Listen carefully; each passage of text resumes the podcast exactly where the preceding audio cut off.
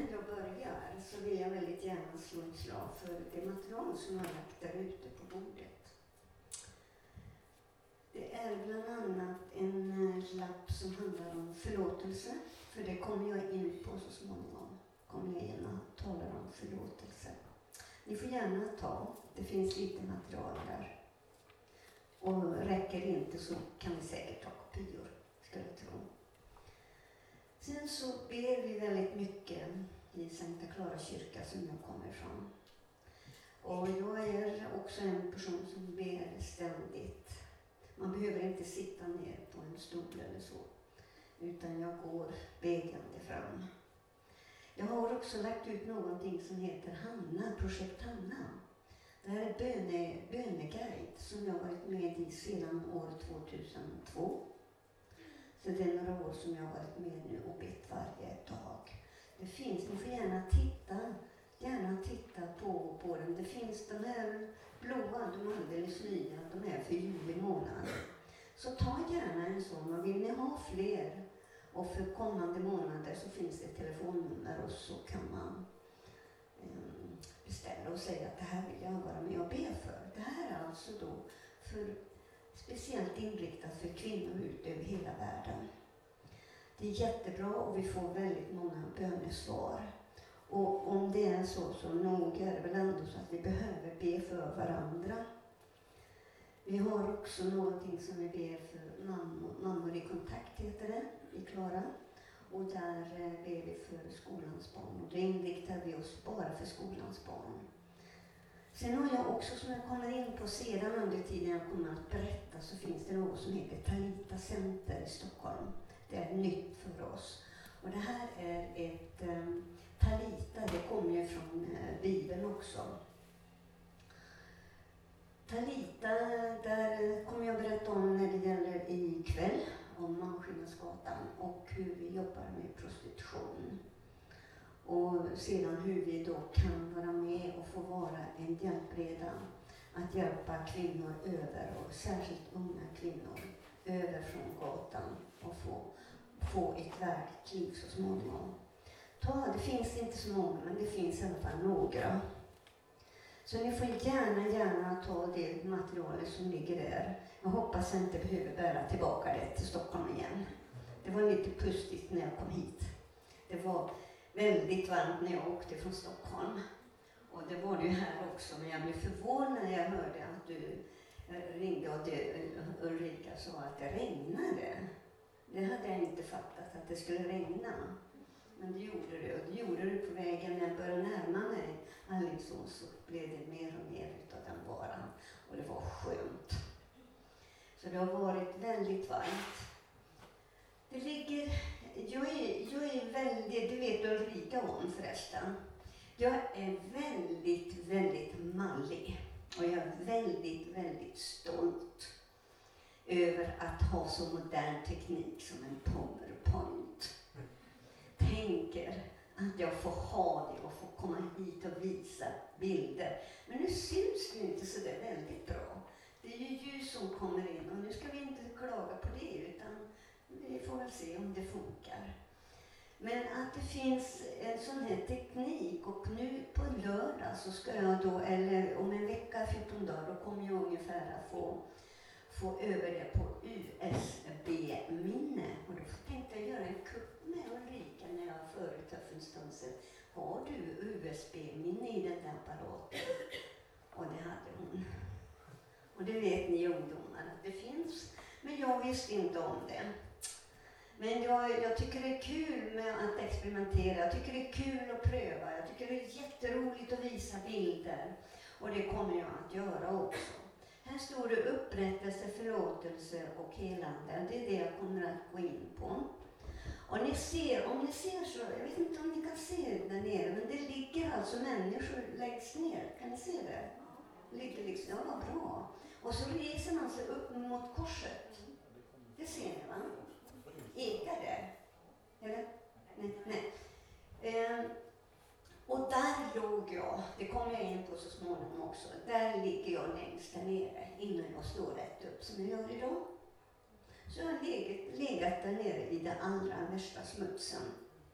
Nere i dyn. Och där har jag fått blivit upprättad. Jag har kommit in på förlåtelsen och jag har blivit helad. Och helandet kanske vi tar ikväll också tillsammans med Malmskillnadsgatan där jag kommer att rikta in mycket på just, just det här med hur man säljer sina kroppar. Ska vi ta en bild här Ulrika? Vi tar nästa bild som visar en hand. Det är min hand och så är det Bibeln. Bibeln som är födan för dagen. Det här visste jag inte om för 16 år sedan. Att det fanns något som hette Bibel. Eller att det fanns någon som hette Jesus. Bön visste jag inte vad det var. Men idag vet jag mycket bättre. Jag är 16 år. Jag fyller år från år. Jag mötte dig för två år sedan. Då tror jag att jag var 14, 13 eller 14 år, sa jag då. Men idag så stiger jag. Idag är jag 16. Men jag är 74. Ifall att ni, ni förstår jag tänkte. 16. Men 74 år är jag. Och jag känner mig inte som 74, utan jag känner mig som er här, tonåringar. Full och bus. Jag gillar rackartyg. Jag gillar att springa. Jag gillar att dansa och jag gillar allt bus. Så nu tar jag igen allt det här som jag förlorat. Får jag tillbaka hundrafalt. Och jag ber och ber. Ska vi ta nästa bild också? Ska vi snabbt göra en liten svit här? Här har vi då någonting som heter Afternoon heter det. Och det har vi varje torsdag. Och då är det hälsningar står det längst där nere Elise, Marie, Caroline och Inga. Vi är fyra tjejer då som har startat upp. Marie och jag vi startade för många år sedan, då var vi ensamma om det. Men så kom en liten ängel som hette Caroline och hon stökade om det och gjorde så att det blev ett café. Och därav så har vi fått det här fina lilla inbjudningskortet. Det här kortet tar jag med mig när jag är ute på Malmskillnadsgatan. Eller också att jag är ute på gatan överhuvudtaget och möter ensamma tjejer. Tjejer som far väldigt illa och så bjuder vi in till, till eftermiddagste. Och här är det bara för tjejer. Och det är jättefint. Det är alltså att tjejerna kan få komma utan att man är tvungen att prestera något. Man får vara där man är. Vi kan ta nästa också. Här har vi, det här är inte sådär lyckad bild tycker jag, men här visar man då ett bord där vi dukar upp då för våra te. Och då ska ni veta det att vi gör det så att det vi tjejer, jag tror killar också har ungefär samma smak, jag vet inte, jag är inte så duktig på det där med killar. Men i alla fall känner jag till tjejer, att man tycker att det är väldigt fint när det är fint dukat, det gillar väl du också? Jo, ja. Åh, det låter bra. Och, och då ska det vara fint. Då ska det verkligen vara mysigt som vi tjejer vill att det ska vara. Uppdukat fint, inte bara slängt på en tallrik eller någonting. Och det gör och det är väldigt omtyckt. Var du, var du med på gång, Ulrika? Nej? Då tar vi nästa bild också då. Och här, det ligger ute på kort, det här, mamma, vill du be för mig? Det jag talade om alldeles nyss. Och det här är Marie kontakt där vi träffas varje torsdag en gång i veckan. En timme ber vi då för skolans barn. Alla elever som vi får reda på att det har hänt någonting så är vi i bön. En timme intensiv bön. Och ungefär 14 dagar, tre veckor så brukar bönesvaret komma.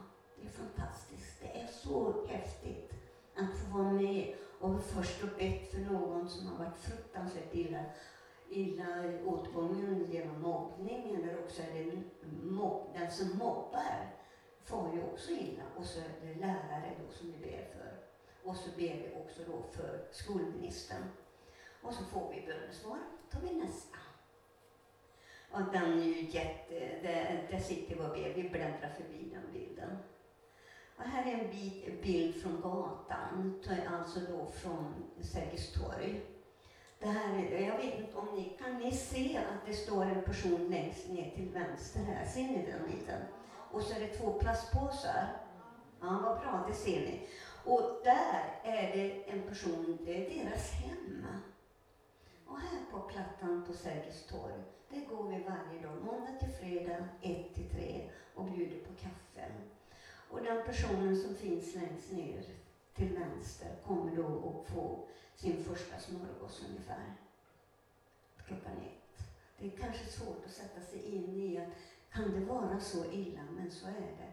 Så här under den här tiden som vi står där kan vi komma upp till ett par hundra hemlösa personer. Och det är yngre och yngre människor som kommer, yngre ungdomar som kommer, som inte har någonstans att bo.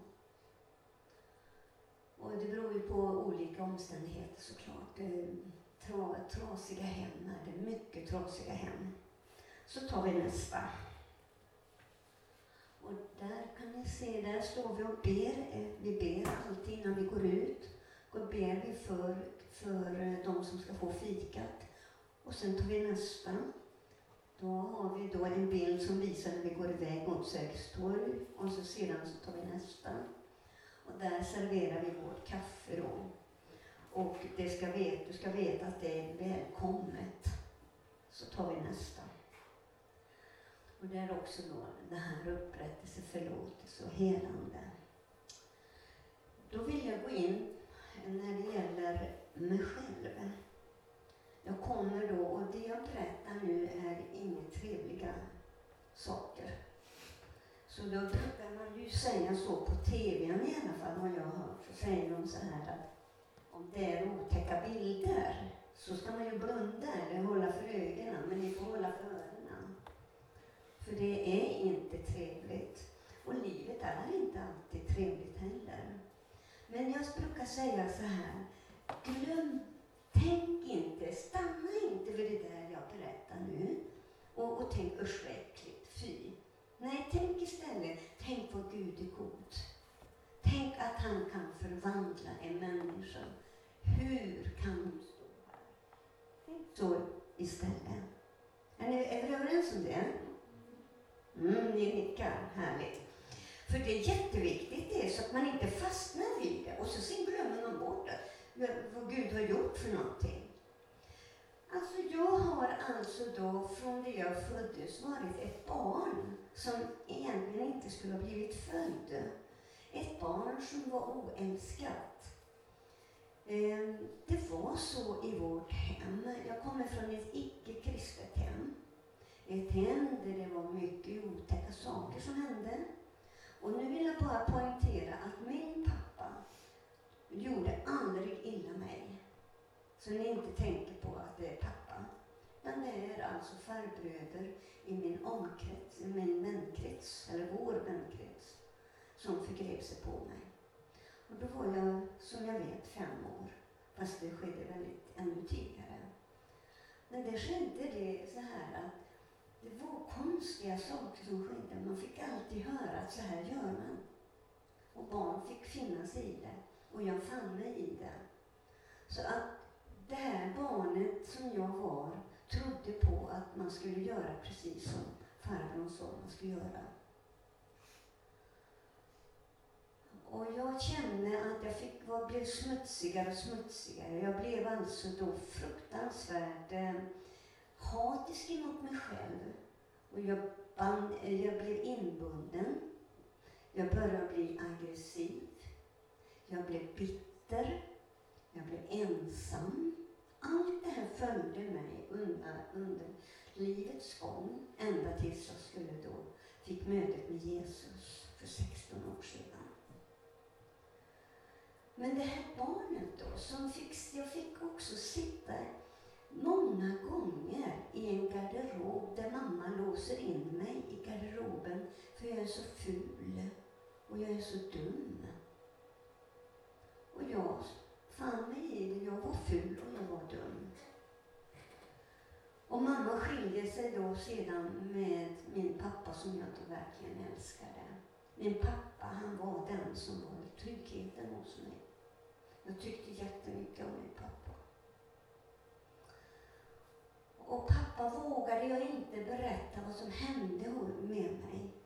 För att det var så en tant som sitter och tittar på när hennes egen make förgriper sig på mig. Då säger tanten till mig att om du någonsin berättar det här för någon enda så ska jag döda dig. Och så fick jag en godispåse i handen.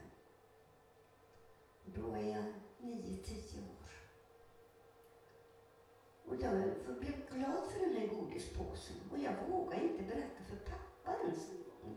Och det förvånar mig ibland. Varför var det på detta viset? Varför blev det så? Och mamma hon var så förälskad i en man sedan. Så hon skiljer sig och då är jag, ja, då är jag vid 10 års åldern. Och jag fick en psykisk kollaps. Pappa dör. Hände mycket hemska saker precis i det här ögonblicket. Jag förlorade min pappa som var min trygghet. Jag blev psykiskt, jag fick en psykisk kollaps. Jag blev körd till en moster som jag kallade för häxan. Hon var värre än någonsin. Hon var fruktansvärd och där var jag tvingad att bo hos henne. Och under ett år ungefär. Och sen så var det mamma och så var det då den där styvpappan. Och han var alkoholist.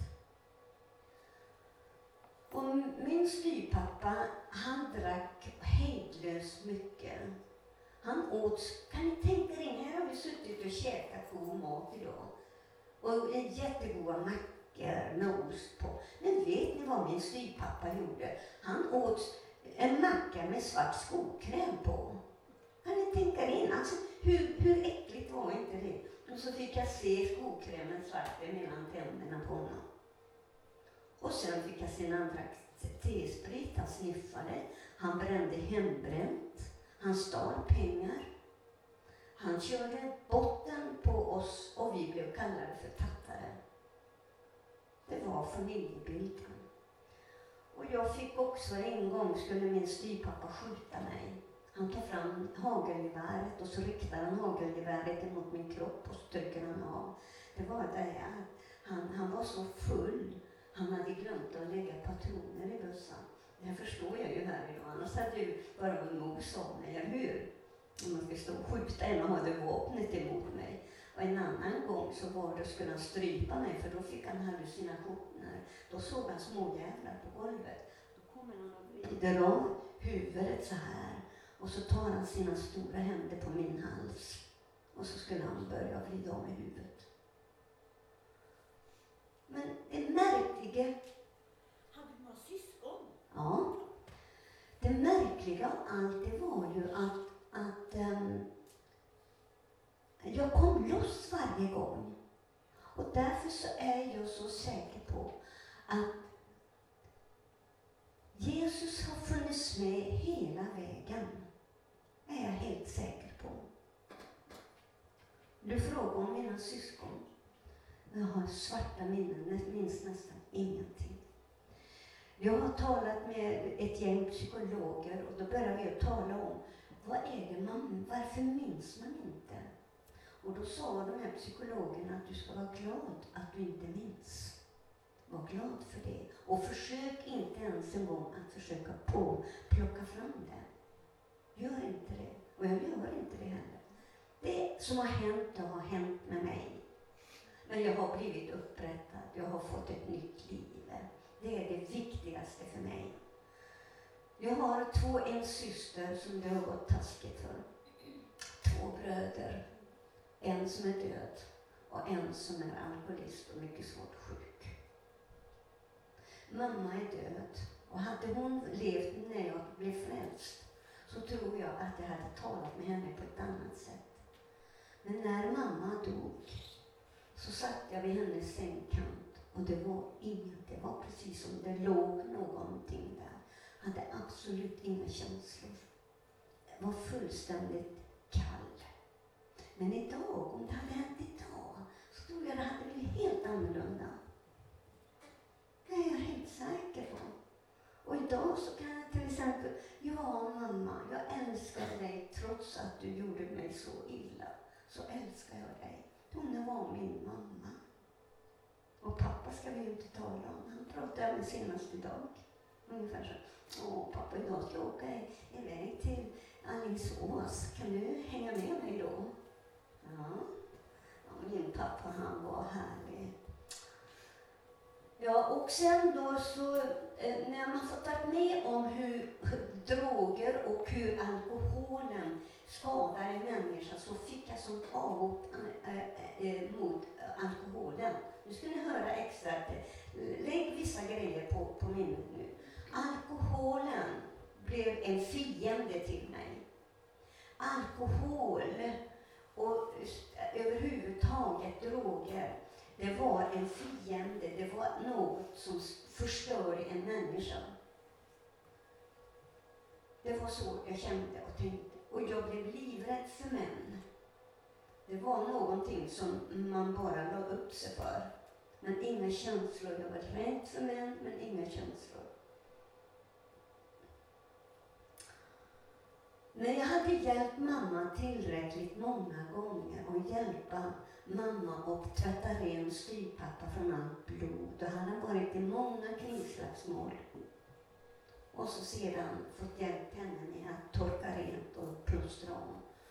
Till slut så var jag 14 år och då rymde jag. Då hade jag fått nog. Då räckte det. Nu får det räcka. Och kan ni tänka er in, jo det kan ni förresten, men kan ni tänka er att jag som 14-åring har ingenting, vet inte vad det är jag gör än. Som har, precis som du är inne på, jag har glömt vad det heter. Alltså jag, ja du ja. Liselott, precis som du frågade om det, det här med syskon. Det är precis som, det är borta. För jag fattar inte hur jag kom på en buss. Hur jag kommer med bussen till ett ställe på en ort i Sverige. Har ingen aning. Kommer till ett café. Det här går jag av. Och när jag kommer in till detta café så det enda jag kommer ha i mitt minne det är att där var det en kvinna och en man som, som tittade på mig och såg mig och log. Och där badade de mig. Jag fick mat och jag fick kläder. Jag var en trashank även när jag var 14 år där. Och jag var så lycklig, förstår ni, över dessa människor va, som hjälpte mig att eh, alltså, få någon som tittade på mig bara där. Vad fin du är. Liksom bli bekräftad bara på det där viset att man ser. Alltså, förstår, jag bara ryser ibland. Jag bara tänker på dig. Det är så helt fantastiskt. Och de lärde mig att arbeta. Där började det lite. Men jag hade fortfarande kvar stora, stora sår i mitt, i mitt inre över att jag hade farit så illa. Så jag trodde att man skulle alltid vara snäll mot män och så vidare och så göra som de vill. Så det, det hade fortsatt under hela min uppväxttid, i tonåren också. Och så till slut då så eh, i den vuxna, vuxna tiden nu. Och då, då eh, möter jag en man. Och kan ni tänka er att den här mannen, vet du vad han sa till mig? Sa han till Åh, du är söt. Nej, jag höll på att smälla av. Jag tänkte, är det rätt det jag hör? Är jag söt? Men det var jag. Och jag blev så lycklig och jag blev så kär. Ja, så där ramlade jag i isbad. Där ramlade jag för honom. Han sa jag var söt. Och det vi gifter oss, har fått ett barn. Ni får gärna påminna mig om jag glömmer det, men jag har alltså en dotter, har vi tillsammans då. Och idag så har jag då två stycken barnbarn. Två killar, de är 13 och 14 år, Simon och Walter. De två första åren i äktenskapet, det var fint. Jag såg aldrig de här dolda anlagarna. Men sen kom smällar.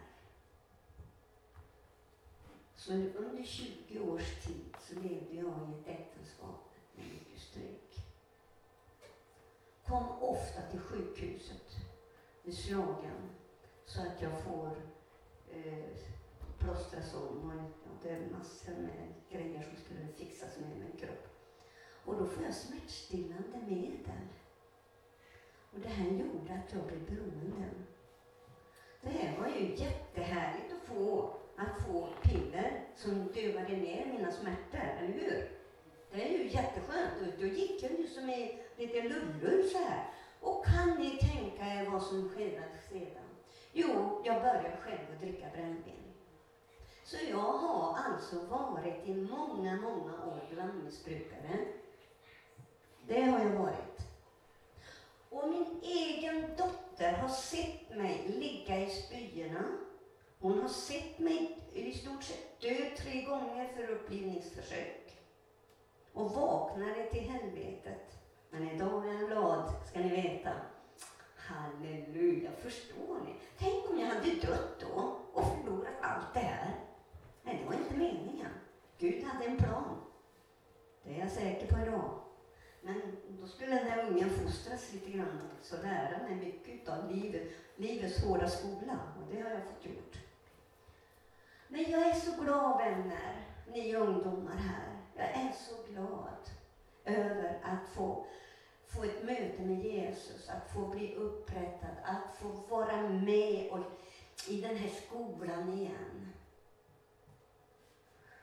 Så när jag kommer till sjukhuset och blir omplåstrad och med hem och piller och så börjar jag supa. Och gjorde det i flera år. Och min dotter har sett eländet. Så hon har alltså varit med om samma som jag själv har sett. Eller hur? Generation efter generation pratar vi om ibland, eller hur? Det följer. Det är märkligt det där. Men det har det gjort. Och min dotter då, när jag, då rymmer jag när, eh, äktenskapet, för då var det kaotiskt. Och då rymmer jag, då flyr jag äktenskapet, jag flyr hemmet och då börjar en ny identitet.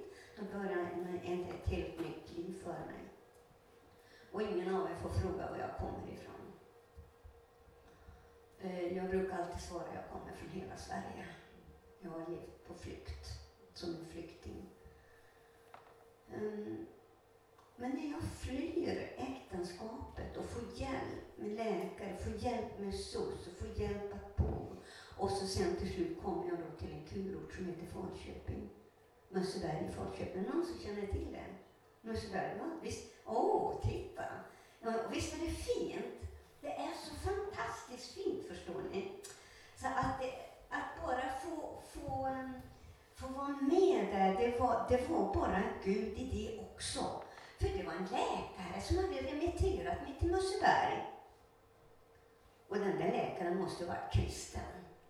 För jag hade fortfarande, fortfarande visste ingenting om Jesus. Nu det här jag berättar om nu. Så jag är jag höll på att säga, jag tror att den läkaren visste precis vad den här människan skulle. Kommer till Mösseberg, full av hopp. Jag hade samlat på mig massor med piller. För jag tänkte någonstans måste jag väl ändå få lägga mig ner och få sluta. Men det bidde inte så. Det bidde något annat. Och då var jag så aggressiv. Och det här med män, vet du, det var, alltså, det var så hemskt. Nu måste jag gå till dig för du är så nära här. Oj, det kanske är för nära den där apparaten. Men det är så bra, du sitter där bara. Ja, vad du är man. Men alltså kan du tänka dig att vara så hatisk mot karlar? Och kan ni tänka er vid den tiden för 16 år tillbaka, då gick jag och spottade på dem. Oh, vad säger du om det då? Nej, det var inget vidare. Usch, usch, usch. Nej, inte alls. Men så var det. Och sen det värsta av alltihopa, det var ju att när jag, och då kallade de, då hade de ju försökt att få kontakt med mig där på Mösseberg längst där nere i matsalen och så vidare. Det ville de att få kontakt med. Hon är ju så odräglig. Hon svär vartannat ord och jag fick höra väldigt mycket. Och hon är så arg så det går inte att ha en människa sittandes vid bordet. Nej. Och då fick jag ett smeknamn. Igelkotten. Ja. bra namn va? Igelkotten. Så det var bra. Och så kommer då eh, eh, min andlige fader. Vet ni vad andlig fader och moder är för någonting? Det är de som liksom hjälper en igenom. När man har tagit emot Jesus så behöver man ha någon som hjälper en. Och det var Lars-Erik och Daga Jonsson från Stockholm. Och ifall att det är någon som känner dem. Då kommer de. Då hade de känt hur Gud manar dem att åka till, till eh, Mösseberg. För där är det en människa som håller på att gå under. Och när det var så, då kommer han emot mig Och jag ber honom dra du ända in och så svor jag ju som en bandhund. Jag svor vartannat ord. Och när jag sitter i matsalen och de hade haft sån här, någon typ av gudstjänst. Och så står de så här och så sjunger de någon som heter Jesus. Gud bevara oss och, och, och, och så stod de så här. Och jag tänkte, men var har jag hamnat någonstans? Ja, det här måste ju vara dårhuset direkt, tänkte jag. Det kan inte vara något annat. Men det är klart, jag passar ju där, för jag är ju en dåre. Men det var inte det. Det var ju ett kristet, kristet eh, anläggning. Och, och då, då hände det någonting vid ett tillfälle. Och nu, nu måste ni lyssna noga. För då är det så att ingen människa tog tag i mig. Ingen ville ta i mig ens en gång. Då är det precis som jag känner någon ta mig i handen där jag sitter långt bort. Och så går jag. Och jag, går, jag har ingen aning om vad jag gör. Då går jag så här. till dig ska jag. Då går jag, till, då går jag och så går jag till Lars-Erik, som inte jag visste att han hette Lars-Erik. Och så går jag bort till honom. Men jag hade svurit emot honom och bett honom dra åt skogen med svordomar så det var oson där. Och så säger jag ett ord som jag aldrig i hela mitt liv hört talas om. Och då vet du vad jag säger? Nej. Vill du be för mig? Var fick jag dessa ord ifrån? Vill du be för mig? Det finns bara en som bara kom in och sa orden som jag inte var medveten om. Men Lars-Erik han fattade galoppen direkt förstår du. Och så började han att be för mig och då small det bara till. Han la handen på mig och så var det precis som blixten gick, oh, gick rakt igenom hela min kropp. Det var en stöt förstår ni som inte går av den här. Ja, det, alltså det var nog fantastiskt. Och jag bara stod där. Jag bara stod där, hade ingen aning om vad som skedde. Jag bara kände att det var någonting som hände i kroppen på mig. Han fortsatte att bad för mig. Och så helt plötsligt kändes det som att jag klövs mitt i tu. Och så var det precis som det försvann någonting ifrån mig. Det bara rann ut ungefär. Det var en sån upplevelse så jag fattade inte vad som skedde. Och så helt plötsligt så skriker jag mot Lars-Erik. Vad har, då skriker jag mot Lars-Erik, vad har du gjort med mig? Och då säger Lars-Erik så här, jag har inte gjort någonting. Jag har bett för dig. Ja men snälla du, kan du tänka dig, först hade jag svurit och bett honom dra och nu säger men snälla du, vilken omvändning. Snälla du, nu, alltså jag fattar ingenting. Det här är ju så fint. Men vilka vackra blommor och vilka tavlor. Alltså, jag förstår inte var jag har hamnat någonstans. Det här är ju inte sant. Och vad vackra möbler. Men var är jag? Jag var blind, men nu jag ser. Allt föll bara bort ifrån mina ögon på något sätt. Ni vet, ibland står det att det är som fjäll. Man är skum, man är förblindade. Det finns något som döljer. Där var jag och där började mitt nya liv. Maj månad för 16 år sedan. Då förstår ni. Det var så härligt. Och då började en jättesvår pers. Och det var att börja med Bibeln. Och då blev ju Lars-Erik och Daga, som är mina andliga fäder, då började de och fick undervisning. Kan ni tänka er att jag visste inte när folk pratade om till exempel matt 4. Vadå, är jag matt eller? Jag fattar inte vad matt 4 var för någonting. Det var ju Matteus 4, men man pratar ju på det språket. Man kan väl slå upp matt eller Matteus, det står så i Bibeln. Matt, punkt. Och där fick jag börja lära mig och det är så fantastiskt att få, få läsa Bibeln. Ni förstår att jag, jag, den här Bibeln, den börjar jag i, jag fuskar ju ibland också förstås, man ska ju vara ärlig. Den första januari, då börjar jag första Mosebok. Och den sista december, då har jag läst sista uppenbarelseboken. Då har jag läst igenom hela Bibeln under ett år. Och, och jag fuskar ibland, för ibland så hoppar jag över då för att det är så mycket i Gamla Testamentet tycker jag är jobbigt. Och nu tycker jag den blir bättre och bättre, därför man förstår bättre i det Gamla Testamentet. Men sen så kom det allra svåraste. Jag är inne på förlåtelse snart. Om ni nu tänker er in i ungdomar här nu. Tänk er in att här har jag varit mobbad.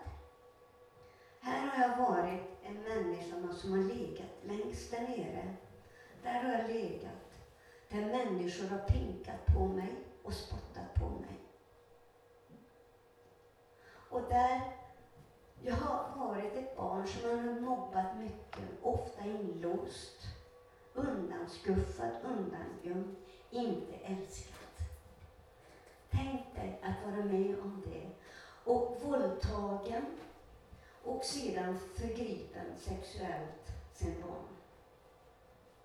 Det här har jag med mig i bagaget. Och då kommer Lars-Erik en gång när jag är hemma hos honom, för då skulle vi ha bibelundervisning. Mm. Och då kom den första frågan. Nu Elise är det dags att du ska förlåta. Och där. Det tog tre gånger innan jag föll till föga.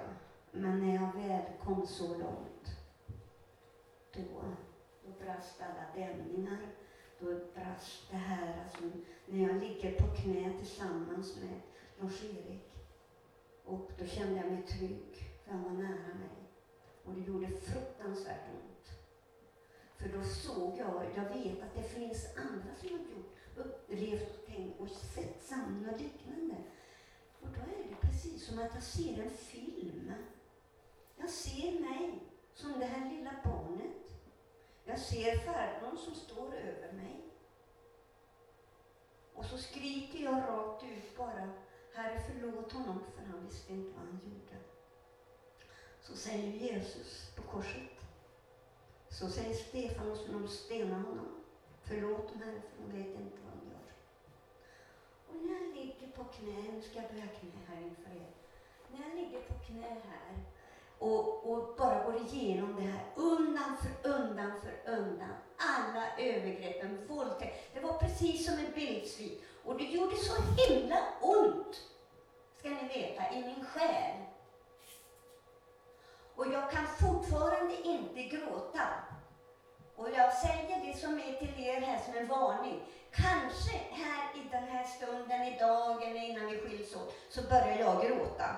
Då ska inte ni börja tycka synd om mig, då ska ni bara resa er upp och ska ni ropa halleluja, Gud har gjort ett under. Är ni med på det? Ni får inte tycka synd om mig, för det vill jag inte.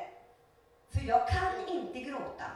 Utan när jag ligger på knä tillsammans med Lars-Erik och så bara ropar ut förlåt och förlåt och jag bara förlät och förlät och så kommer jag till slut fram till min mamma och förlät henne. Jag älskar min mamma. Och förlåtit henne också. Och då var det precis det, det jag menar. Och mens jag hade gjort allt var det precis som hela jag... Det var, alltså det var så fantastiskt stort.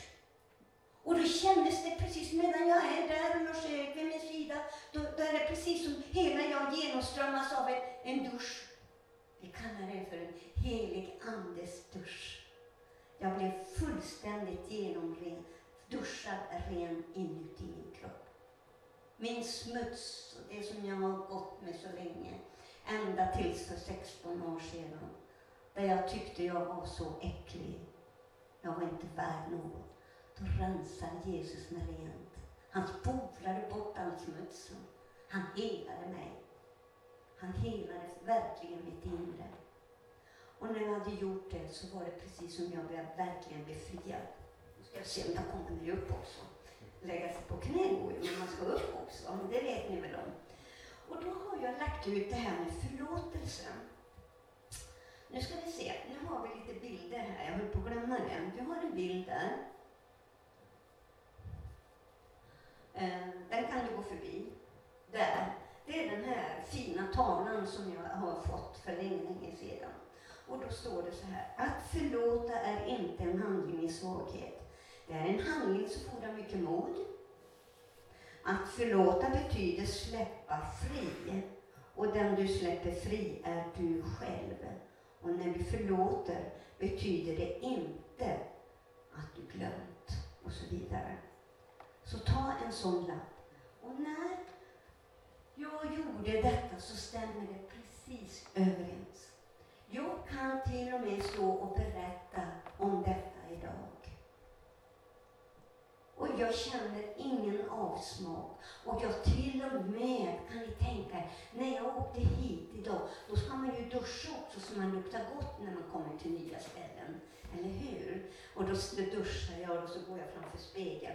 Och jag gör det fåfänglighetens fåfänglighet. Men jag gör det nästan varenda gång. Så kommer jag till spegeln och ska man kamma till sig och måla sig lite grann. Och då säger jag till spegeln så här. Ja du Elise, så ful är du inte. Är inte det bra? Ja, tänk vilken, vilken, vilken förändring. Ja, det är ju fantastiskt. Och så ni karlar som jag hatade så förut. Efter detta så älskar jag varenda karl. Det är så konstigt, så det är så märkligt. Så nu älskar jag att gå på. Och kom, kom nu killar, kom och krama. Akta dig. Men alltså det är så roligt, det är så härligt med den här förändringen. Och då menar jag inte konstigt med det, utan jag bara tycker om att kramas. Och det beror på, tror jag, det beror på, jag fick aldrig känna kramar som barn och upp vuxenlivet och inte i äktenskapet utan där var det smäll på käften. Därför så älskar jag krama både karlar och kvinnor nu. Och det är så gott och så Jag kramade ju dig när vi träffades och, och det var så skönt. Och det är precis som jag har blivit beroende på något sätt. Det kallar man ju för beroendeframkallande. Ja, och det är inget som är dumt i det inte. Så nu karlar, då vet ni det. Ja. ja, det är så härligt, förstår ni. Ska vi se vad vi har mer för en härlig bild. Sen har vi bibeltexter. Här är det från Johannes 8. Och så tar vi nästa. Här är Romarbrevet 2. Och vill ni läsa det så kom gärna och så kan ni skriva av bibeltexterna här. Det handlar om förlåtelsen och det är jättebra att läsa på det. Gå du med oförlåtelse, gå du och grämer med bitterhet och det här med att någon har varit dum emot dig, någon har sårat dig. Låt dig inte övermannas av det utan släpp taget om det. Det är inte värt det. Det är värt livet att leva och det, är, det får du genom förlåtelsen. Tro mig. Vi, vi har praktiserat, så tar vi nästa också. Där är Markus. Och så kan vi ta nästa också. Och det här tycker jag är den absolut ni ska sätta på minnet, Matteus 18 och Psaltaren 51. Och, och det är lite för... Eh, om man hade haft tid så skulle man kunna gå igenom bibelställena. Men ni kan väl notera dem i alla fall och tänka på dem och läsa dem. Och ta gärna en sån här lapp, en sån här eh, eh förlåtelselapp som ligger där ute. Och, och så läs den. Och sen står det längst här nere, sen sköter Gud resten. Ska vi se vad hon är. Nej, då tar vi det ska vi ta ikväll. Jag tänker berätta, ikväll så ska jag berätta om Malmskillnadsgatan, mitt jobb där och sen ska jag berätta om helandet från cancer ikväll. Är det okej? Okay? Ja. Eh, vi delar upp det så, så, så känns, tror jag det känns bra. Och kanske någon som vill ställa någon fråga också. Men jag har här, förstår ni, är det någon som vet vem han är? Vad heter han? Marco Polo? Nej, vad heter han? Ja, ja. Paolo Roberto. Machokillen. Här är en machokille, tjejer och killar. Han ber varje dag. Kan en machokille som han, då, då kan också vi göra det varje dag. Och var i bön ska ni få se att det kommer att ske något.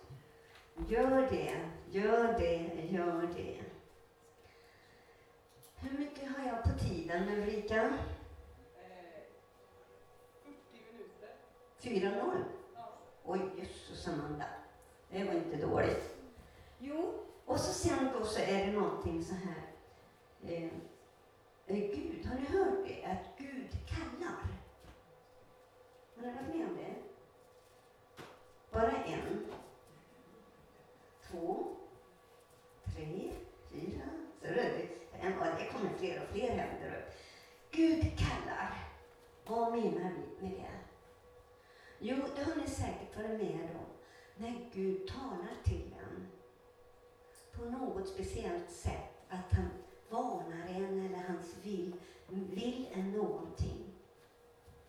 Ja, det, jag gjorde det här för skojs skull. Så gjorde jag det att jag, jag tänkte att jag, jag ska tydligen berätta om det. Gud kallar. Har ni, varit, har ni också eh, då tänkt så här att nej, det vill jag inte. När Herren då säger att vi ska göra något speciellt. Nej, det vill jag inte. Har ni gjort det? Nej, det är tydligen bara jag som har gjort så. Nej. Ja, så nej, ja men titta. Nu får ni vara med. Är det varmt där inne? Håller på att svettas ihjäl. Ja, vi håller på och smäktar här i värmen, men nu ska vi inte klaga på värmen. Men hörni, det var så här en gång. Jag var hemma och jag dammsög. Jag var hemma och dammsuger. Och det tror jag var en onsdag om jag minns rätt. Och så medan jag hade dammsugit, och då vet ni att man vill ju gärna ha lite rent och fräscht hemma, eller hur? Att det inte dammråttorna far omkring för mycket. Och jag drog igång med dammsugaren där och så helt plötsligt så, så är det precis så. Du ska åka till Fridhemsplan istället. Va? Nej, nej, nej, nej, så det vill jag inte. Jag ska göra rent här, för du säger att du älskar renhet, så jag då och gick helt emot. Du ska åka till Fridhemsplan istället. Nej, vet du vad? Du tycker om renhet, jag vill inte. Och så fortsatte jag och dammsuger. Märkliga är det alltid tre gånger. Tredje gången, du ska åka till Fridhemsplan till stället. Okej, okay. du vinner. Och det var ju bara att slänga av sig trasorna som man hade på sig och på med något annat då. Och så iväg in till, till Fridhemsplan. Den ligger i Stockholm. Och sen till stället. Det är alltså en, en Juvain, eh, en, en, ja, en liten sån här kyrka. Och, fast det är i en skola. Och eh, eh, där, där är det då någonting som heter LP. Eller gamla LP var där och Carina Nyman ifall ni känner igen henne. Carina Nyman. Känner du Carina Nyman? Någon? Nej. Eh, hon har suttit på kåken och hon har varit narkoman och prostituerad och en av mina flickor. Och hon har kommit ifrån fängelse och kommit bort ifrån allt det. Det tar jag imorgon, eller ikväll. Och så säger hon så här. Men vad roligt Elise, att du kommer. Ja, jag är, jag är inte alls på humör, sa jag då. Då var jag sur. Jag är inte alls på humör. Jag vet inte vad jag ska hit och göra förresten, sa jag då. Men Gud, han säger att jag ska åka hit. Ja, men det är väl jättebra. Du får väl lyda vad Gud säger. Ja, ja, ja, men nu skulle jag ju städa för en gångs skull och göra rent. Och så säger han att jag ska åka hit, sa jag till Karina. Och så går Karina och skulle öppna mötet och så säger hon då så här, jaha. Och så står hon så här, välkommen och jaha. Jaså. Fattar inte någonting där vi sitter. Och då säger hon, Elise, du ska komma fram och vittna. Nej, nej, nej, nej, nej, nej, nej, så alltså, jag, jag vill inte. Jo, du ska komma fram och vittna. Och jag gick fram då till slut. Och så säger jag då, jag vet inte vad jag ska prata om. Och då kom det här. Du ska berätta om dina övergrepp sedan du var fem år. Och då skriker jag bara ut så här utan att de visste ju inte som ni här då, ni skulle inte begripa uh, vad är det hon skriker om. Då skriker jag rakt ut, aldrig i livet skriker jag rakt ut utan att de visste vad det var jag skrek om. Aldrig i livet, säger hade ni också kanske börjat undra vad är det för något med henne nu då? Och då kom det, jag skulle berätta om det.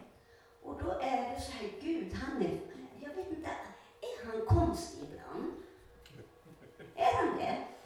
Han har så konstiga idéer tycker jag. Ja, det håller du med om? Ja, det är bra. Han har så konstiga idéer och han är så omständig tycker jag ibland. Ja. Och då berättar jag detta helt bara naket så här, precis som jag gjort för er. Och då efteråt då kommer två kvinnor fram. Den ena storgråter och så kommer hennes väninna. Då hade Gud i samma tid ungefär sagt till väninnan att hon skulle åka och hämta den här personen, en annan tjej. Och hon hade protesterat hon också, men till slut föll hon till föga. Och så kommer hon till väninnan och, och bankar på hennes dörr. Hon hör att hon är hemma. Och hon bankar och hon ger sig inte. Och bankar. Till slut så öppnar hon. Och då hade hon precis gjort klart för att ta livet av sig. Och då tvingar hon henne till att komma till stället. Och så hör hon min berättelse om övergreppen. Och den här kvinnan som grät så här hejdlöst, hon trodde i sin tur, jag är ensam i hela världen och har varit med om detta. Jag är smutsig, jag är ful. Och så står du här och berättar. Nu vet jag att det finns hopp även för mig. Men visst är Gud omständig? Varför måste han kalla mig från att dammsuga och så kalla en annan människa en annan del av Stockholm för att hämta en väninna för att sen komma till stället? Vad omständig han är. Men han är suverän. Han vet precis vad det ska vara. Så där kallar jag det Gud kallar och då tycker jag att vi ska vara jättevakna för, för detta. Att när man känner att det här ska jag göra, gör det. Det har jag gjort, gjort flera gånger där jag, har, där jag har inte gjort det jag har känt att jag ska göra. Och sen har jag åkt på pumpen. Jag har fått en örfil, jag har fått en, ja, Gud har dragit mig i örat, liksom har läxat upp mig. Då tar den andra personen istället. Så är det. Men nu är jag vaken. Nu försöker jag alltid, försöker i alla fall, att alltid vara lyhörd för vad det är han säger. Och så likadant varnar han oss. Har ni varit med om det? Jag har i alla fall varit med om det. Jag, jag tror säkert ni också har det, men jag tror det. Vanat, Jag kommer från Malmskillnadsgatan på natten. Och så ville jag så gärna gå, jag skulle gå till eh, eh, Plattan eller Sergels torg, så jag vek av ifrån teamet, som jag kommer berätta om. Då vek jag av och gick däråt. Och då fick jag höra hur människor stod och skrek och gapade. Och, och då tänkte jag, där är mina vänner, de står ju där borta och gapar och skriker, så där ska de inte göra. Jag går bort och snackar med dem. Sagt och gjort, så jag är på väg bort till hörnet utav, lite längre ner på Plattan vid Sergels torg. Och så när jag går, är på väg där, då är det precis som jag går mot en vägg. Alltså jag kommer ingenstans, förstår ni. Det var så märkligt. Så jag, nej men gud, jag ska ju gå och prata med dem där borta, så där ska de inte göra, mina vänner. De ska inte hålla på så här. Men det gick alltså inte. Och jag fattade inte det på en gång. Och då var det nästan, jag tror andra eller tredje gången när jag gjorde försöket. Nej, då sa jag så här, och förlåt Jesus, förlåt mig. Du varnar ju mig såklart. Det förlåt mig Jesus. Jag ska inte gå dit, jag ska inte gå dit bort. Jag går till tunnelbanan Jesus. Ja, och precis när jag är vid sidan om, eh, inte så långt så här ungefär, precis när jag är eh, vid kanten så här mot tunnelbaneinfarten. Då I det här gänget så stod det fem eller sex killar runt en flicka. Och precis när jag passerar jämsides med dem, då tar den ena kniv, killen fram, hade kniven i handen och kör kniven i, i, i, i kroppen på den här flickan. Det var det vad Gud kallade, varnade mig. Hon dog inte, det hände ingenting, men ändå där är det verkligen är man ute och jobbar som jag gör på djävulens gator, gator mitt i natten, då jobbar vi också med maffian. Och de leker man inte med. Så att varna, och sen mana har jag skrivit. Eh, Guds beskydd. Har ni varit med om det någon gång? Guds beskydd? Inte? Jo, ska jag dra den? Det kom upp på Malmskillnadsgatan kom det upp ett gäng ungdomar. De var 15 stycken. Ledaren, vi pratade om hur man, hur man är, han är 1,49 lång. Ja förresten, jag har krympt 1,47 då. Jag har krympt lite grann nu. Eh, och, och, så, och så ligaledaren, han var två meter. Jag, jag hamnar alltid med killar som är två meter. Och jag vet inte, tydligen så dras jag till dem, eller de dras till mig, jag har ingen aning. Eh, det spelar ingen roll, det är så härligt med långa karlar, så det spelar ingen roll. Men den här ledaren, han, de ställde sig runt mig i ring. Och så kom en kille som inte var ledaren då, och så tar han knytnäven och skjuter till. Och precis när smockan kom så här, då är det precis som en hand som lägger sig emellan. Det var Guds hand. Och han var fast, förstår ni? Han kunde alltså inte ta bort handen eller göra något mer. Han bara stod där. Och så ligaledaren, då vände jag mig emot li, ligaledaren och så säger jag till honom, om inte du försvinner härifrån inom två rappa sekunder så är snuten här. Hör du vad jag säger i Jesu Kristi Nazarens namn, så försvinn! Och ligaledaren han var bara dum. Han så bara tittade ner på mig. Och så helt plötsligt så går han fram till den där killen som, som hade handen så här på min kind. Och så tar han tag i honom i skinnjackan som han hade.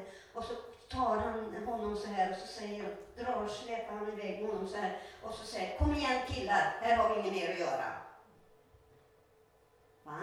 Vad säger ni då? Halleluja, eller hur? Det är ju fantastiskt. Det var Gud som fanns med där. Ingen annan, för jag är ingenting. Eller hur? En liten kätte, där hade de ju kunnat smocka ner och sparka ihjäl hur lätt som helst. Eller hur? Jag menar, jag är inte lång, jag är inte Tarzan. Jag är 1,49 och svag och klen och allt möjligt. Men han tror på Jesus, det ska ni veta, för han beskyddar en. Oj, nu är jag svettig. Ja, det är detta jag vill säga om att Gud beskyddar en. Det finns många sådana berättelser och jag är helt övertygad om att, att um, Jesus vill oss bara gott och väl. Så nu när ni är här i Hjälm, heter Hjälmargården? Heter det så? Va? Hjälmared. Hjälmared. Alltså då då får ni ju lära er väldigt mycket. Eller hur? Ni har duktiga ledare. Ungdomsledare, barnledare, vuxenledare, vad det nu är för någonting. Och, och, här får ni mycket undervisning förstår jag. Föräldrar är också med. Eller? Jag har sett föräldrar. Visst är föräldrar också med? Ja. Och eh, jag tror att ni kommer att få, få mycket, mycket gott utav det när ni lämnar detta ställe. Jag har tagit med mig en enda bibel och jag vet inte varför. Och det är antagligen en av er som ska ha denna bröllopsbibel. Och vem det är, det får vi se. Den här delar jag ut på Malmskillnadsgatan på fredagnätterna. Imorgon natt så kommer jag att vara ute och med mina flickor. Och det här har vi delat ut och då brukar jag alltid säga till mina flickor du är en prinsessa och du ska få bröllopsbibeln. Och flickorna som tar emot den, de gråter och tar emot. Och du som känner att det är till dig, kom fram sen och ta den här bibeln. För den är till dig. Det är till tjejerna, inte killarna. Bara tjejer här nu. Så är det. Och jag måste dricka lite grann. Har ni frågat förresten?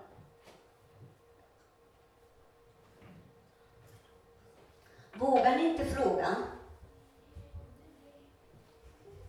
Det kanske är så. Eller är det blyga ni Hjälmared? Vågar ni fråga någonting? Ni får fråga vad som helst. Får jag se om jag kan svara på det. Kom igen. Kanske någon som frågar eller tänker sig, hur vågar du? Tänker ni så? Ja, just det.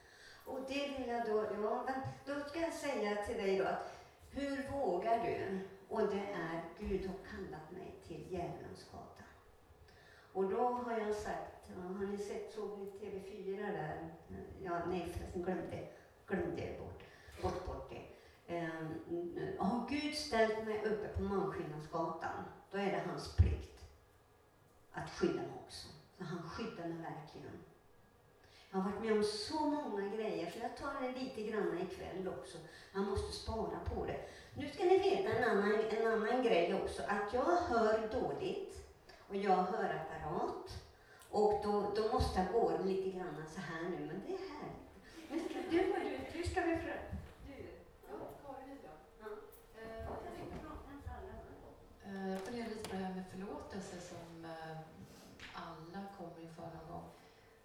förlåta någon, eller behöver man förlåta någon som inte ens har bett om förlåtelse? För jag antar att många av dem som, som har gjort dig illa har inte ens tänkt tanken att de ska be dig om förlåtelse. Kan man göra det? Det, jag tror att det är poängen. Att när, det är ingen som har kommit och förlåt, bett om förlåtelse för de skador man har gjort. Det är ingen som har gjort. Och, och det, jag är ju så pass gammal så att jag tänker, men jag tänker på min före detta man. Han, det skulle inte kunna falla honom in och, och liksom förlåta, trots all smärta. Men jag har gjort det, då har jag lämnat allt. Det är det tror jag är poängen med, med att ja, det är precis som ta den där lappen där ute. När du väl har förlåtit, då kan du släppa också det. Men då måste du, det är det som är jobbigt. Jag säger, det här är inte enkelt. Det är jättesvårt att, att göra det. Men, åh oh, vad det är gott. Oj, du skulle bara veta vad gott det är. Och jag, jag bryr mig inte smack om han jag var gift med förut. Inte ett smack jag bryr mig om honom. Nej, inte ett dugg. Mm. Hej. Jag undrar, eh, hur vet du att Gud pratar med dig? Eh, ja, det där är lite svårt att förklara. Det, det är precis som... Eh, hur ska jag förklara det? Jag känner, jag hör inte röster. Utan det är någonting som kommer, jag tror jag, in i mitt inre på något sätt. Jag känner att det är någonting. Jag kan inte, vad kallar man det för, vetenskapligt bevisa någonting. Det kommer jag att berätta om med helandet ikväll. Vetenskap som läkarna säger, det är omöjligt. Helt omöjligt. Man kan inte vetenskapligt bevisa det. Men jag hör inte röster. Men jag känner så starkt maningar om att göra det och det och det. Elise, det är jag. Eh, ingen av ungdomarna kommer vara med ikväll. Ja. Vad ska jag säga då? då? Vad ska jag berätta om då, då som inte jag berättar ikväll då? Eller är det nu? Nej, om inte ni är med ikväll. Nej, vad sa jag nu för någonting? vad, vad ska jag berätta om tycker ni? Om Malmskillnadsgatan då? Va? Ja. ja, men varför såg ni inte detta? Varför såg ja, men Jag hade ju glömt det. Oh, jo, men jag bor på Malmskillnadsgatan och det har jag gjort i 13 år nu. 13 år, jag är inne på mitt 14 år snart. Varje fredag natt är jag ute, nästan varenda fredag natt. Malmskillnadsgatan, då får du faktiskt plocka fram bilderna då. Ja. Och då kommer du till bilder. Ja. Du kan bara kna knappa på. Där! Vi träffas eh, klockan åtta på kvällen, fredag kväll, och sen kokar vi kaffe och vi gör i ordning allt möjligt med nyponsoppa och choklad och smörgåsar, godis och stickade grejer som vi har med oss. Och så sedan så ber vi alltid innan vi går ut. Och det är jätte, jätteviktigt att vi ber för kvällen. Ber för det som sker. Och när vi kommer upp, då tar vi nästa bild. Då dukar vi upp vårt bord och då eh, kommer alltid, det brukar sådär i nio tiden när vi är där uppe på Malmskillnadsgatan så finns det nästan alltid några flickor som väntar. Och sen ökar det under tiden när kvällen kommer. Så då vi kanske ett till två, ibland har klockan blivit ännu mer. Men, men det ökar hela tiden med flickor och den här, den här eh, förändring som har skett under de här 13 åren, det är att det är mycket utländska flickor idag. Då för 13 år sedan då var det nästan uteslutande svenska flickor. Många dör, de har dött, de har, någon har dött i en famn utav misshandel, utav överdoser. Man har börjat med knark väldigt tidigt. Precis som mig själv, nästan varenda tjej som jag möter har varit utsatt. Precis som jag själv berättat om mig. När jag var 16 år blev jag lurad till att sälja mig utav en bordellmamma. Så jag har själv varit prostituerad. Och de här flickorna som ändå möter här då på gatan, jag känner verkligen för vad det är de utsätts för.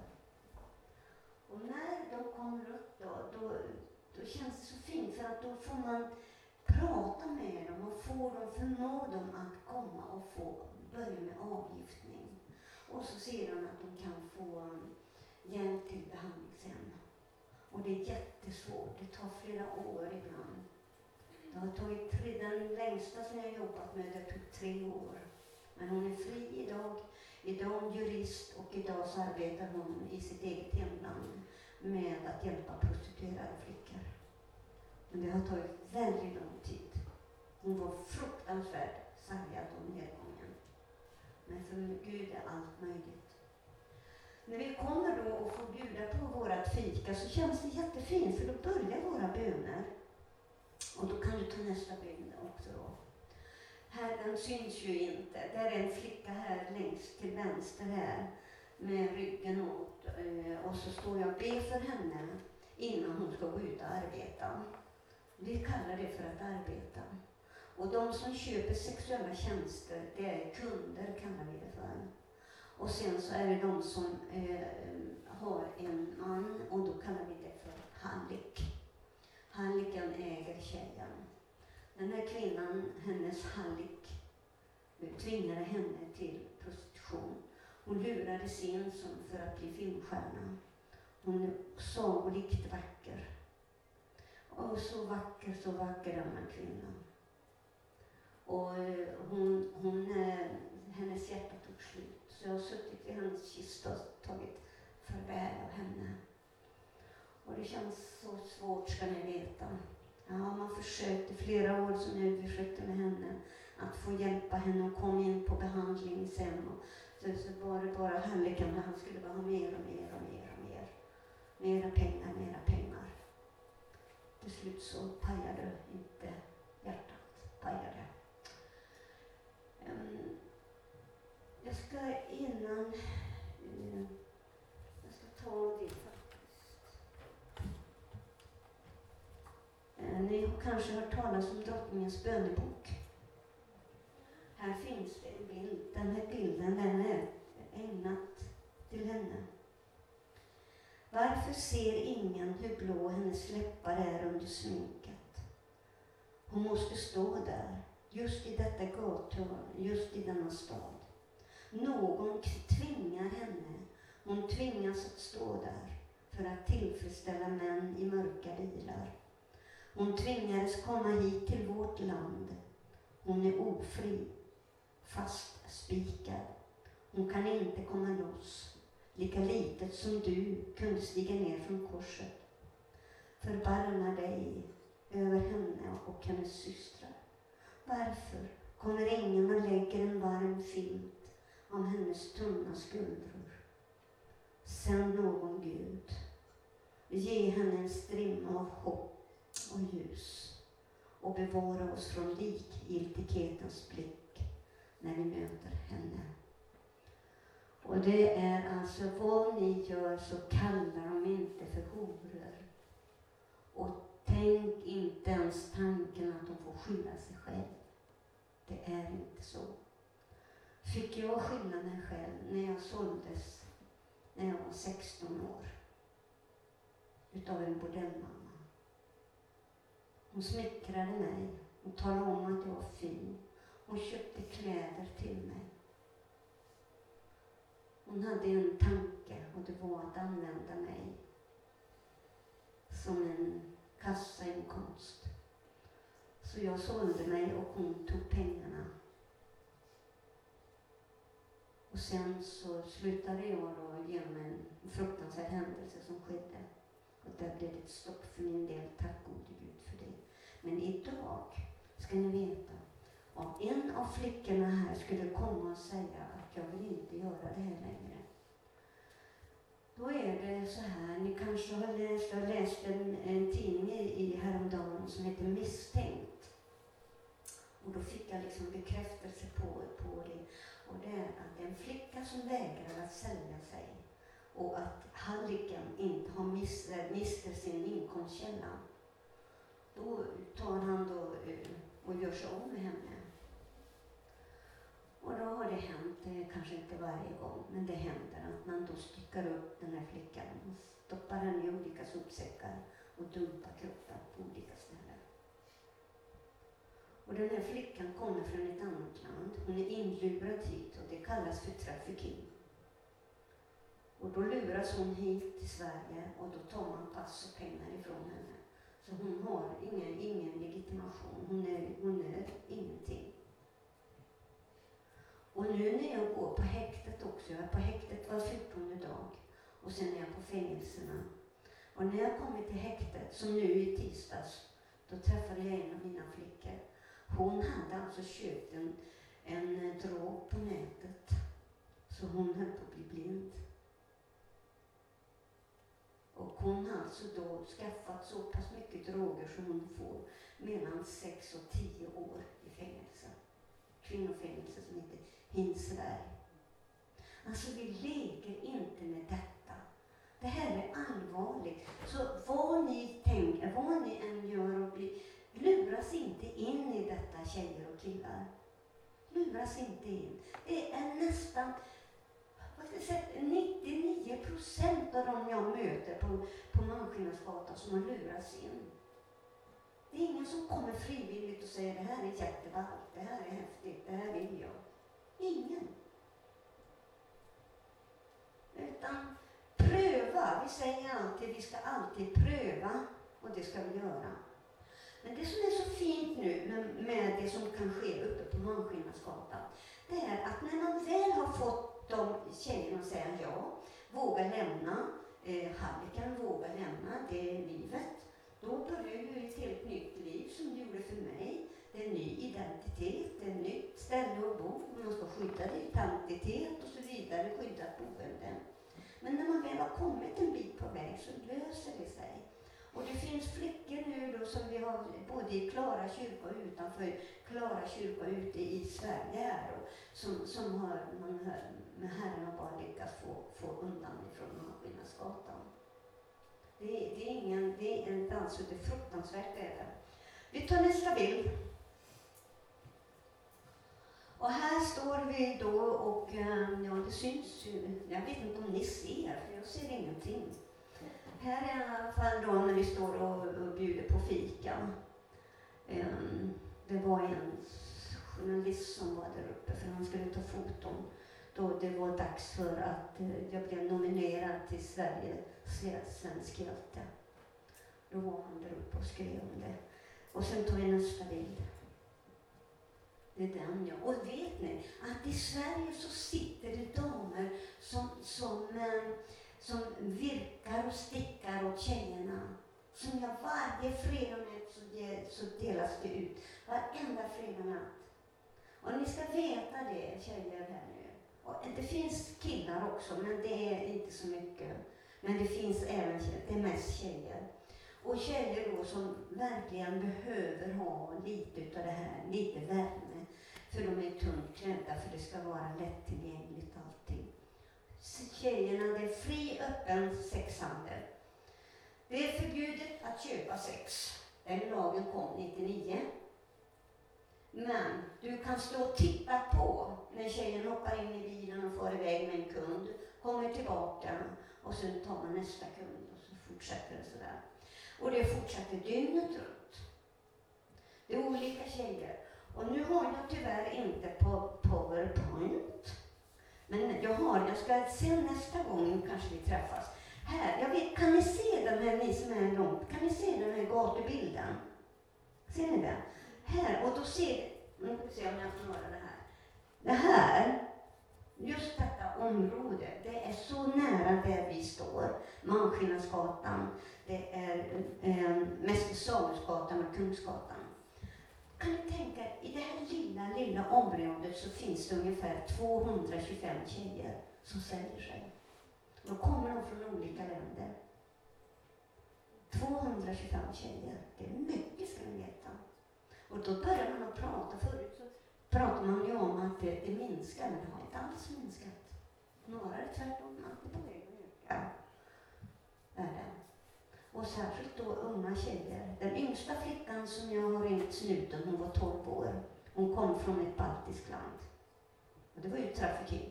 Och det här, då, när det här var på vakt, på, på gång, då var det alltså då spaning. Då var det spaning, för då visste, visste jag inte om dem, men då ringde jag snuten, för jag har en väldigt bra kontakt med snuten. Och hon, eh, snuten sa då till mig det, att nu är det någonting som är i görningen här. Och det var mycket, det var en skåpbil, och den hade de plockat full med unga flickor. Och den yngsta var 12 år. Och då sa de till mig att du får inte lägga din näsa i röret här nu, för nu är det spaning och vi ska, vi ska göra razzia här. Så du får inte lägga dig i här, för nu är det farligt. Ja, och då var det en bordellmamma och en bordellpappa som hade plockat upp de här unga flickorna. Men de blev ju tagna. Och den allra yngsta svensk flicka, hon var 13 år. Och hon hade klätt ut sig som Prettevonen. Har ni sett den filmen? Visst är den bra? Jag gillar den filmen. Jag tycker hon är så häftig alltså.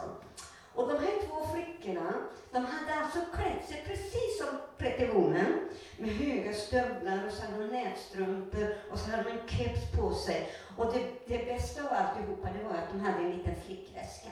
Inte någon damväska eller något, utan en liten, en liten, liten flickväska var det. Så man, det stämde inte överens med den övriga klädseln. Och då ringde jag snuten på en gång och då snuten kom på en gång. Det tog jag och då är det så bra för då har jag på min, mobilen då, mobilen. Då, då, då trycker jag på en knapp och så säger jag bara så Tjenare, det är Elise. Jaha, ni kommer. Ja, då vet ni. Han behöver inte stå där och förklara eller någonting sånt där. Vi kommer. Ja. Och det tar ungefär fem minuter. Tjoff säger det bara så är de uppe på gatan. Vet ni. Det går jätte, jättefort. Och det ska gå fort. För det går inte att vänta, ja vi behöver så här. Det går inte att vänta en halvtimme eller tre kvart eller en timme, det funkar inte. För den är borta. Men de kom direkt och fick tag på flickorna och så sen var det då hem och sen är det SOS och så vidare och så vidare. För det är ingen, ingen rolig grej. Men och sen de det här, flickorna de älskar ju att vara, vara, få komma och hälsa på oss. De tycker att det är så härligt när vi är där uppe. Man känner en viss trygghet. Nu går vi vidare, har vi lite mer bilder här. Vi ser vad som kommer där, då kan vi gå vidare. Det här måste jag ju få berätta om. Nu måste ni stoppa mig, för nu drar jag igång. Här förstår ni, det här är en bild med två stycken bilar som är sån här neonskyltar, ni vet sån här görstora, ni vet så här va. Det har ni sett va? På flakbil. Har ni sett sånt? Det är jätteskärmar. Och så är det då nästan nakna flickor. Står där med stringtrosa och så vidare. Och då kom en av flickorna, det var fler flickor som grät över det här. Och så sa de till, eh, om ni vill googla på mig så ska ni inte googla på Elise Lindqvist, morsan. Då kan ni googla får ni läsa om mig också. Vad jag är för ett odjur, höll jag på att säga. Då får ni googla på mig. Ja. Men här förstår ni. Här säger tjejen, vi tycker det här är så hemskt. Morsan, alltså det här är ju inte klokt. Titta här. Ja, men vad ska vi göra med det här nu då? Vi tycker det här är så tragiskt att de ska visa upp sina unga vackra flickor. Det kan ju till och med vara min egen dotter som är där uppe på skylten. Vi vill inte att det ska vara så här. Nej, vad ska vi göra? Vi ber. Och vi bad. Och vi bad. Och så när, när vi var på gatan så bad vi tillsammans med flickan. Tänka er tillsammans med tjejerna. Så ber vi. Och så när jag kommer hem så är det precis som jag kommer in i en böne... Kan man trans? Heter det så? Du som är lärare eller vad du är? Du är i alla fall man och vuxen. Ja, vad kallar man det? om? heter det trans när man kommer in i en sån bön som är så stark? Man kan inte sluta. Och jag bad och jag bad. Och så skrek jag, var ju tur, det var ju morgon när jag höll på att säga, natt. Jag hoppas inte grannen hörde. Och då så ropar Herre, jag bara ber dig, gör någonting, bränn upp dem eller gör vad du vill. Bara vi blir av med de där skyltarna, vi vill inte ha dem här. De förstör ju för oss och flickorna vill inte det. Gör någonting Gud, gör någonting nu. En vecka senare läser jag i Metro-tidningen. Vi har en tidning som är gratis tidning som heter Metro. Och där stod det så här. De här två flakbilarna hade brunnit upp i garaget. Och garaget var helt intakt.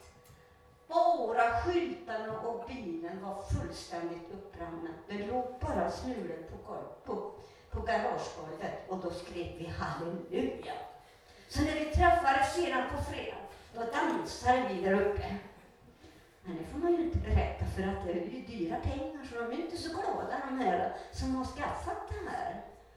Eh, de som säljer flickorna på det här viset. De är ju inte glada för det är, det är många stålar ska ni veta. Ja, det var den bilden. Och så tar vi nästa. Här är det då en fredagnatt och där är en rejäl razzia. Och, eh, och då får man hålla sig undan. Och då har man haft spaning först då, för då ser man vad det är för kunder som åker runt. Man, polis, spaningspolisen de registrerar bilnummer och så vidare och vi gör ingenting för vi är inte där för det. Vi är ingen polisiär myndighet. Vi är där för flickornas skull, inget annat. Och vi ska inte, vi har jag, min kriminalare som jag bollar otäcka saker med, han har sagt att vi ska inte ge oss in i någon sån lek. För vi, vi, det handlar om maffia här nu. Men här har de tagit, och vad spännande! Hörni här, vad det är spännande förstår ni att stå där uppe då där vi står. Ni såg det där bordet som vi hade. Och där står vi bara och tittar på hur polisen jagar och hur de tränger bilarna så här och låter, bara kör runt och så kunderna har inte en chans att komma undan. Och ni vet att gubbarna, nej, de är männen, männen är väldigt frustrerade över, över att, eh, att, att, att, polisen har tagit dem. Så de registrerar sig Då Tala om att ja, vi skickar hem till frun, eller hem till hembostaden, det här brevet att du har varit här uppe för att söka köpa sexuella tjänster. Nej, nej, nej, nej, nej, inte hem till bostaden, skicka det till kontoret. Säger man då, man vill inte visa att det är, att det är som det är. För den som köper sexuella tjänster, det är alla möjliga mm, sorters människor, alla möjliga män eh, från olika samhällsklasser. Det är, det är bara så det är. Och det har vi fått lära oss att acceptera, inte acceptera, men vi har fått lära oss att det är så. Det är eh, från Johansson, Pettersson och Lundström och jag. Så, så, så ser det ut. Eh, sen tar vi nästa bild. Den bilden, ja. Eh, den här är en flicka då som är, det är sex år. Och det här har jag sett då hos flickor som drogar väldigt mycket. Då använder man väldigt mycket heroin, det är amfetamin, det är rast, det är, det är blandningar som man använder. Och här kan man se då hennes förvandling. Längst till vänster här, här ser man på hennes ögon hur hon har förvandlats genom drogerna. Och sedan så fortsätter det år efter år efter år. Näst sista bilden, så var jag när jag kom till Museberg. Kan ni tänka er, ser jag ut som idag? Jag tycker det är en viss förändring på mig. Men där ser man den förfall, hur man förfaller genom drogerna och genom att man har så mycket sexuella tjänster under en natt. Det kan vara upp till en 20, 30, 35 karlar som man ska tillfredsställa. Och en tjej ska alltså jobba ihop ungefär, det här hörde jag nu för ett tag sedan av en av flickorna, mellan 6 och 10 000 en kväll. 6 och 10 000. Och då är det alltså så här, det kan vara flickor som är så neddrogade så de skulle för sitt liv inte kunna tjäna ihop så mycket pengar.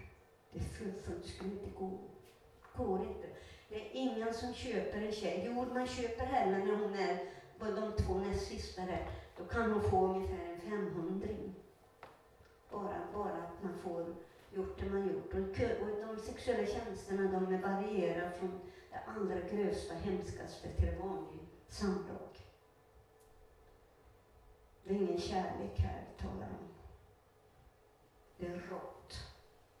Och jag har hört exempel som jag inte kan nämna ens en gång, som är så grova, så man tror inte att är det människor som begär sånt när det gäller sex. Och den här flickan som jag har suttit i hennes kista som inte man kunde se, hon var, hon var oerhört vacker. Hon var en, en hon var en typisk fotomodell, filmstjärna. Och hon var ju ungefär från de sista bilderna när hon dog. Hon kollapsade helt. Ska vi se om jag har någon mer bild. Inte från gatan i alla fall. Vill ni fråga någonting om gatan förresten?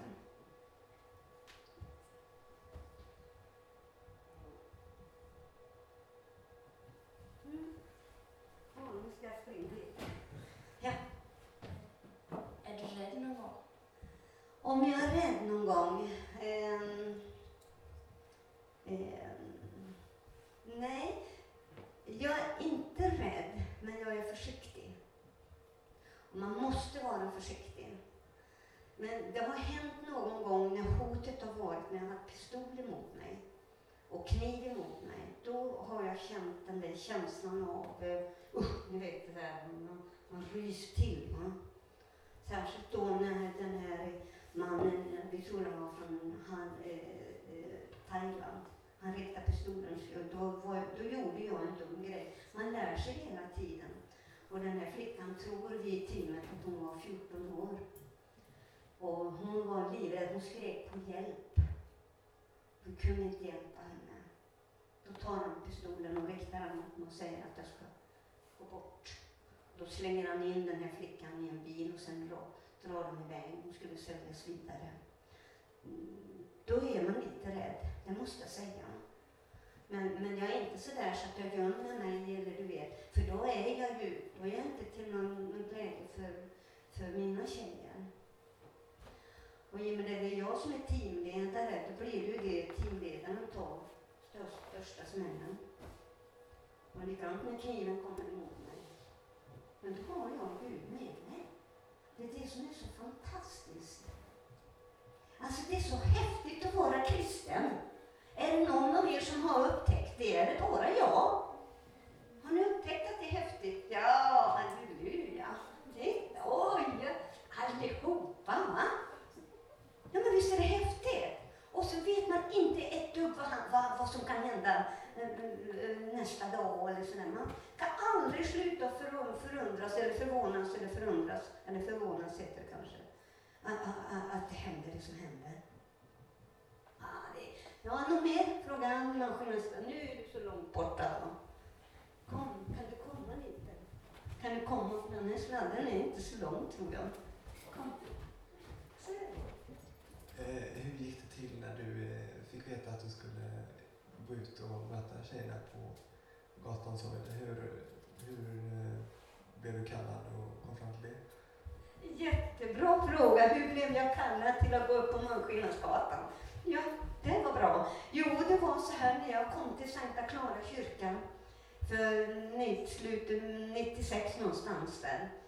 Då frågade våran präst Karl-Erik Sahlberg, vill du följa med upp på Malmskillnadsgatan? Då visste jag inte vad det var. Och och då följde jag med honom. Och när jag kommer upp med, med Karl-Erik Sahlberg och vår diakonissa Inga Pagreus och jag bara ställer mig där och får möta tjejerna. Då, då sa jag till Karl-Erik, här hör jag hemma. Det här är min arbetsplats. Och då sa Karl-Erik, han förstod ju det, för han hade hört min bakgrund och då förstod han att här kanske jag kommer att trivas. Där har du det. Och sen har jag bara känt att här hör jag hem. Och jag mår dåligt ibland när jag inte får åka hem, eh, åka till Malmskillnad, eller gå till Malmskillnadsgatan. För då ska jag iväg någonstans. Jag är ju ute över hela Sverige och pratar. Och då måste jag åka faktiskt på fredag kväll. Och som imorgon då, då går jag ut på gatan. Och, och det är sån glädje i detta. Alltså jag har aldrig mått så bra sedan jag började gå på Malmskillnadsgatan. Även om jag har sålt mig själv. Jag, jag mår jättebra. Och så få möten med tjejerna och få dem att förändra. Och som jag talade om i början här om Talita. Här är det någonting som vi tror på. Vi är nu en grupp tjejer som vi tror att vi ska kunna få tjejerna som är... Man kan inte bo här, men att det blir en... Vad kallar man för tröskel? Man får någon tröskel, eller man lär sig. Man lär sig hantera tider. Man lär sig till exempel att kanske laga lite lunch och här umgås man bara kvinnor emellan som har haft det och har det knepigt. Så jag är, jag är säker på att Gud har kallat mig upp på Malmskillnadsgatan. Som det står igen i den här ungdomstidningen. Har ni den förresten? Ikon. Den är en jättebra tidning. Ikon. Ni kan gå in på men ni kan ju googla. Heter, jag har internet nu för ett, fyra veckor sedan. Har jag, har jag skaffat internet. Så nu googlar jag. Kan jag gå in och titta på mig själv? Herregud, ja, vad har de skrivit för någonting? Upptäcker det ena Elise Lindqvist, Elise Lindqvist, Elise Lindqvist. Allt möjligt. Det har jag inte haft en aning om. Inte visste jag att man kunde gå ut och skriva sådär, att det hamnar ute på nätet. Nej, det är inte, precis som det här. Nej, går ni inte ut på nätet? Nej. Men alltså jag skojar lite grann men, men det är så fint att äm, få, få känna. och det är precis enligt Matteus 25. Jag var hungrig, du gav mig att äta. Jag var sjuk, du besökte mig. Och det går jag på sjukhuset, jag är med dem på psyket, följer med dem till tandläkaren och så vidare och så vidare. Olika ställen jag på häktet och fängelset. Kläder, kläder får de också. Och så försöker hon att få ett förvandlat liv. Jag har fått ett förvandlat liv för 16 år sedan. Och det är bara en enda en som kan ha gjort det. Och det är Jesus. Ingen annan ska ha ära. Det bara är så. Eftersom ni ungdomar inte kommer ikväll så ska vi visa de två sista bilderna, tre sista bilderna också. Det här är en bild som jag tänkte jag skulle prata över ikväll och det är alkoholens faror. Och det behöver jag inte berätta så mycket om här. Det att aldrig någonsin börja med alkohol. Gör inte det. Börja inte. En flicka som går på gott på min gata, hon skulle tränas, hon var 13 år, hon skulle träna sig för att hon skulle dricka fint när man sitter vid middagsbordet. Hennes unga kropp fick sånt begär så att hon blev kriminell, kåkfarare, prostituerad och har fått den allra värsta sjukdomen nu när det gäller hepatit och så vidare. Nu är hon på bättringsvägen. Men det var vad som hände med hennes unga kropp. Då tar vi nästa. Den här underbara lilla hunden. Är den inte söt? Ja, du sa det. Åh, visst är den söt? Men den har ju så väldigt konstiga färger. Den är röd och grön och blå och gul och den ska ju vara svart. Ja, svartprickig. Det här fick jag utav en ung flicka. Och så skrev hon, tack för att du vågar säga nej. Och det säger jag till er också. våga säga nej när man ska till att börja pröva. Det har jag varit med om där flickor har varit 14-15 år när man har börjat att ligga med killar och börjat att dricka. Och sen har det blivit en total förvandling. Hon har blivit nersopad ungefär som en sopa och idag så har hon fått resa sig upp och fått toppenbetyg. Och idag så högaktas hon för att hon vågar säga nej. Stopp med det. Så den här hunden älskar jag. Våga vara annorlunda. Ja. Och så tar vi då den. Och då vill jag säga till slut till er ungdomar att all ära till Jesus Kristus. Han ska ha all ära, ingen annan. Så var rädda om er ungdomar. Ta hand om er. Och ni är så värdefulla. Vet ni om att ni är Guds ädelstenar? Ni är så fina. Så gå inte på det där som jag gjorde, att man är ful och dum och inte värd någonting. Du är värdefull, för du är Guds skapelse. Det står i Guds ord. Så det ska vi ta med oss och det ska vi lita på. För det som står här i ordet, det är sant. Allt är sant. Lita på Guds löften. Är du ledsen så slå, slå upp Psaltarpsalmerna 51 eller 23. Herren är min herde. Den kommer jag ta ikväll, men nu får jag inte berätta allt. nu någon här, den som nu är manad innan vi skiljs åt, får komma och ta den. Jag lägger den här. Så Gud välsigna dig som tar den. Oj, ska vi be? Jag är beslut nu. Ja, du förstår det va? Jag är alldeles svettig är jag. Herre, vi tackar dig nu för allt det goda du gör. Tack Herre för att du är med. Tack att du är med ungdomarna ikväll. Du ska vägleda var och en. Du ska omsluta dem med all din kärlek. Ge dem vishet och klokhet. Ge dem det de längtar efter. Du ser deras ungas hjärtas längtan efter något. Tack Herre, det är drömmar, det är kärlek, det är besvikelser. Ja, men Herre, du finns med i allt. Tack att du välsignar var och en och förbereder deras, deras steg framåt i livet. Jag ber att du sänder dina änglars beskydd över dem, så att de varken ska snabbt snubbla eller falla. Omslut dem var och en med din kärlek. Amen. Tack ska ni ha.